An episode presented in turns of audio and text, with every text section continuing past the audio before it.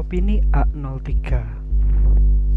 Seperti biasa pada segmen-segmen kita awal-awal ini masih berbicara tentang bagaimana sih ketika kita berkuliah. Nah, e, pertanyaan paling besar ketika kita kuliah adalah mimpi kita untuk masuk jurusan negeri. Nah itu stereotip yang selalu menghantui banyak orang di Indonesia. Hanya saja nanti ketika kita berada di swasta apakah kita bisa menggapai cita-cita? Sebenarnya ini adalah jawaban yang sederhana tapi akan rumit untuk dibahas karena memang setiap orang punya keinginan dan mimpinya masing-masing termasuk masuk ke perguruan tinggi negeri itu adalah mimpi dari sebagian kita yang akan masuk kampus gitu kan yang nanti ingin melanjutkan ke pendidikan tinggi. Nah untuk itu gue ingin sedikit bercerita bagaimana kita menggapai satu cita-cita atau keinginan yang ada di perguruan tinggi non negeri atau istilah kerennya itu perguruan tinggi luar negeri alias swasta.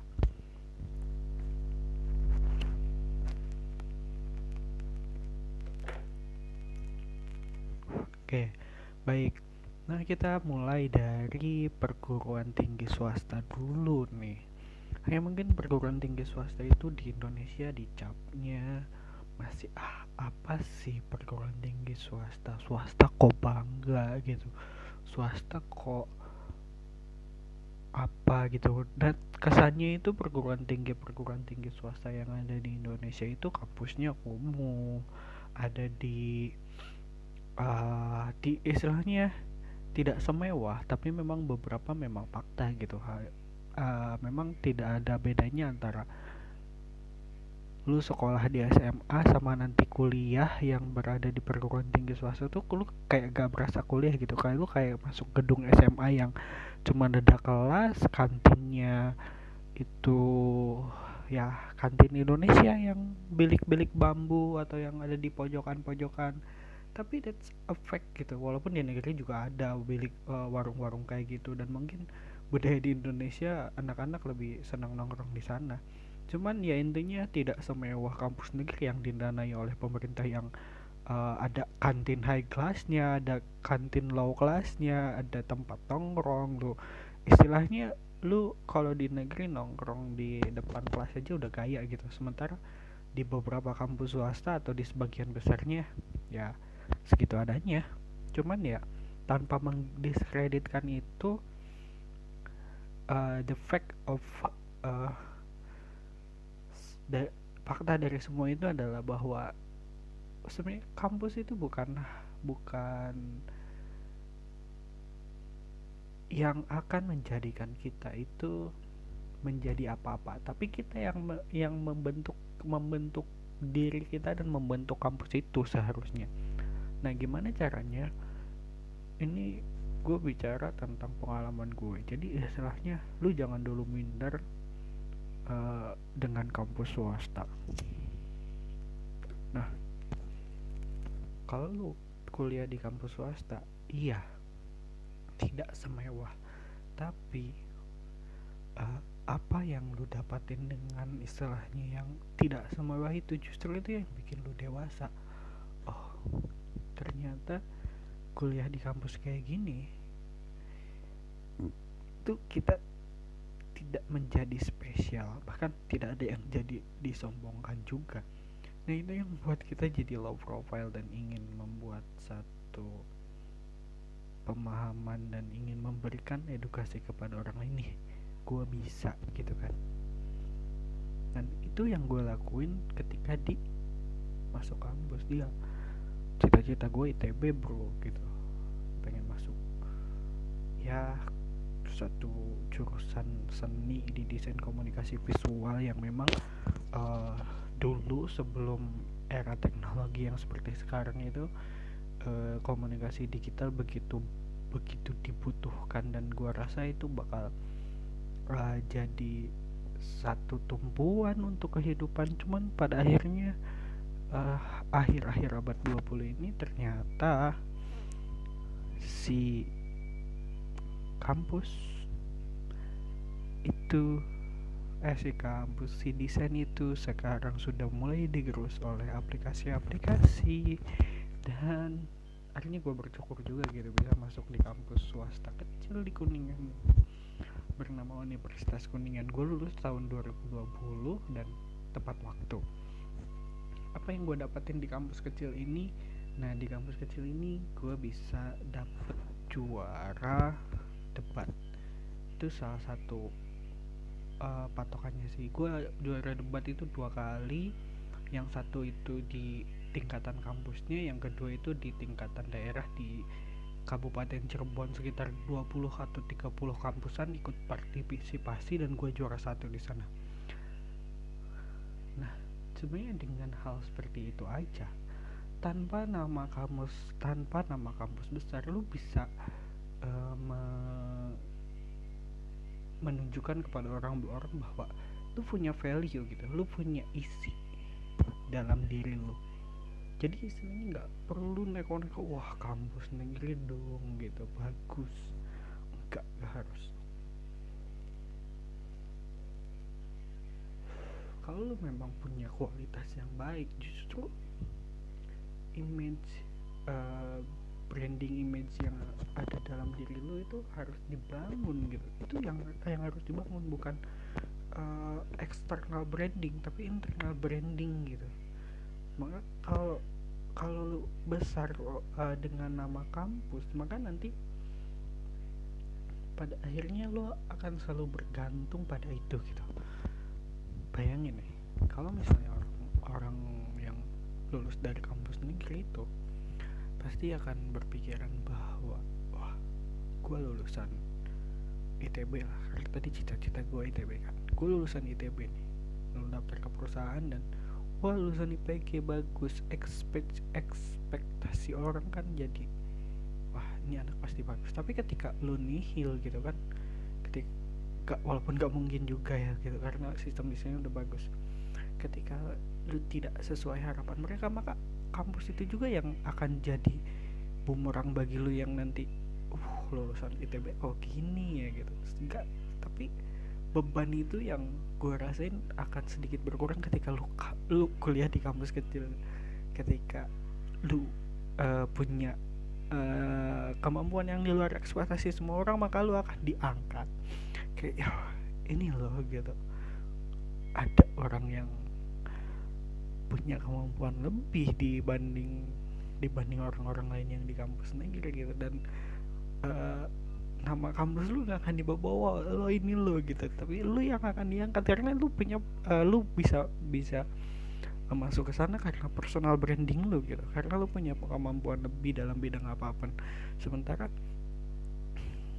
kalau orang yang di brandingnya oleh kampus maka kampusnya yang akan dibawa. Dan ketika lu jelek pun istilahnya ketika lu masuk contohnya gitu ketika lu masuk perusahaan dan di perusahaan itu kinerja lo buruk maka balik lagi yang akan jadi yang akan jadi judgementnya itu hanya diri lu gitu. Lu nggak dibawa kampus. Ya, mau emang uh, eh, HRD atau bos-bos bakal nyalahin lu lulusan Universitas Kuningan kok kayak gini ya? Enggak karena mereka udah tahu segitu adanya gitu. Dari kampus swasta yang kecil nggak sebagus kampus-kampus negeri yang ya yang kuliahnya dari satu Indonesia gitu. Banyak banyak orang dari luar luar sana.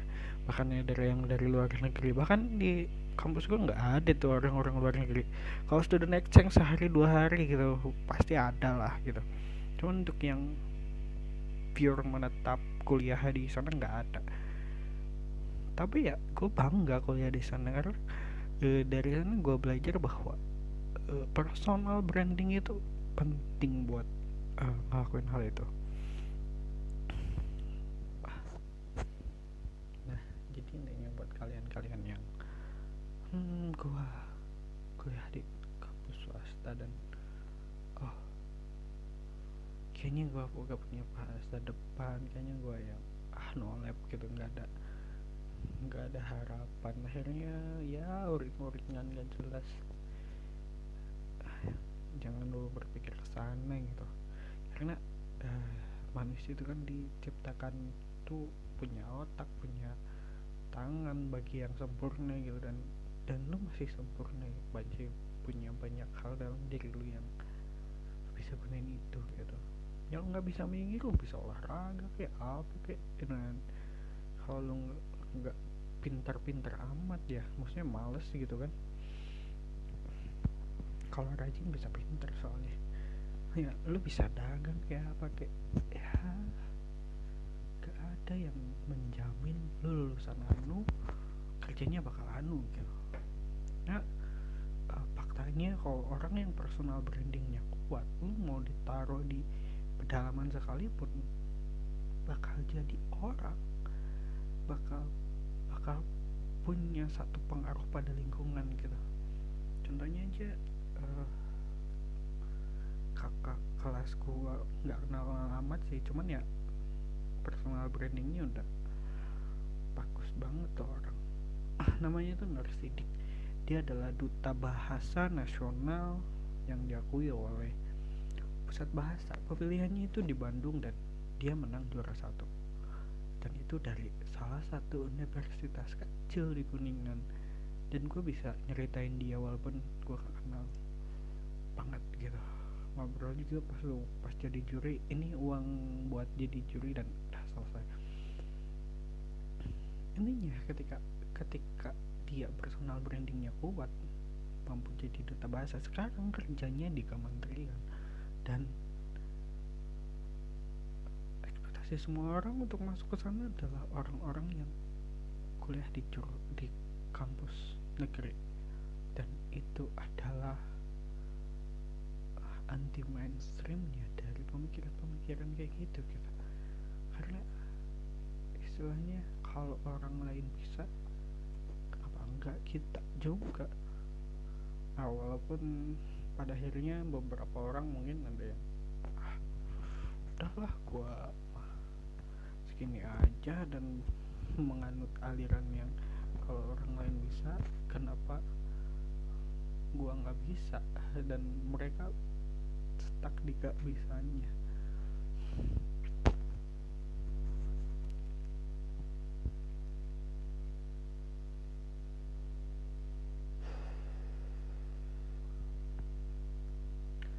kalau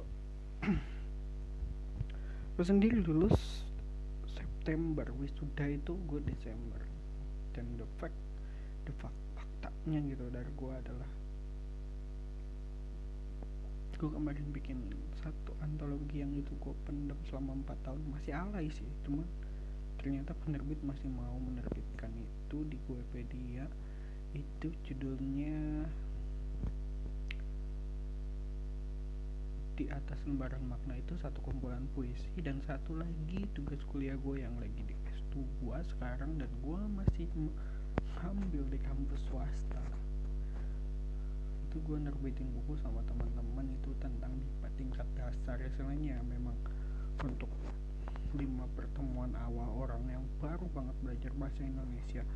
Dan itu mungkin dibutuhkan nanti bahkan memang ini akan dipakai nanti di Vietnam salah satu penulisnya itu namanya Henry uh, dipanggil bahasa Vietnamnya Vietnamnya gitu Hong Ngok Hiu. Nah Hiu ini atau Henry ini adalah lulusan BIPA dia punya beasiswa dari dari pemerintah Indonesia yang uh, kuliah BIPA di UMM dan sekarang lagi S2 bareng ke kelas sama gua gitu. Dan dari hal kayak gitu aja gue bangga mungkin karena gue sebelumnya belum pernah gitu kan uh, di kampus swasta ada orang luar negeri. Nah kali ini kampus gue sekarang ada orang luar negeri dan dia adalah salah satu modal untuk menciptakan buku itu. Istilahnya kalaupun buku itu nanti nggak laku di pasaran gitu ya semoga saja laku. Seenggaknya itu bisa berguna bagi bagi Hendry sendiri ngajar nanti di Vietnam atau teman-temannya yang nanti di Vietnam bawa buku Hendry dipakai dari situ aja ya uh, bagi gue cukup sih. Karena nanti ah ini loh gitu karya gue sama teman-teman dibaca sama anak-anak. Nah uh, kebermanfaatan kayak gitu aja dah yang ah ini gue bisa loh gal dan itu semua gue dapetin dari kampus swasta dan gue sekolah negeri eh menikmati fasilitas negeri itu hanya dua kali SD dan SMK dulu TK gue masih swasta belum negeri. Uh, sekolah SMP gue di MTS sekolah agama Islam yang masih swasta. SMK di, di negeri SMK negeri tiga kuningan dan dan kuliah S1 S2 di swasta. Yang gue nikmatin dari sekolah swasta itu mereka lebih respect ke mahasiswa karena istilahnya uh, mahasiswa itu ada investor terbesar mereka yang ini loh yang ngasih kita hidup yang ngasih kita uh, modal untuk berjalan ya mahasiswa. Jadi mereka menempatkan mahasiswa itu misalnya nomor dua setelah kebijakan. Artinya 50-50 lah mahasiswa itu masih bisa didengar. Sementara cerita cerita teman-teman yang kuliah di negeri itu selalu berkutat dengan nilai susah dengan sistem yang maksudnya agak sedikit rumit dan usul dan lain sebagainya itu akan sedikit sulit. Karena memang uh, pemerintah dan Kemenkelatur dan lain sebagainya itu turunan dari kementerian. Sementara untuk yang kampus swasta itu dia bikin sistemnya sendiri yang punya uh, tingkat uh, keketatan atau tingkat perubahannya itu masih masih masih fleksibel tidak seketat dari peraturan kampus negeri yang memang bagi gue ini adalah satu poin plus. Karena uh, bayangin ketika lo punya uh, punya kedudukan misalnya sebagai seorang ketua BEM lu punya lu punya kebijakan atau lu punya gagasan lu bisa keluar-keluar ke depan gedung DPR tapi lu nggak bisa keluar-keluar depan kampus lu sendiri. Nah itu yang satu nilai demokratis di sisi mahasiswa yang tidak bisa dinikmati oleh orang-orang di kampus negeri. Boleh saja di, di depan DPR mereka mengacungkan tangan dan berbicara sebegitu besar tapi di dalam kampus pada akhirnya nanti lu tidak bisa apa-apa. Karena rumusnya adalah kalau presiden takut mahasiswa maka mahasiswa takut dosen. Dan itu hal hal yang terjadi di kehidupan nyata dengan ada buktinya peraturan kayak gitu gitu.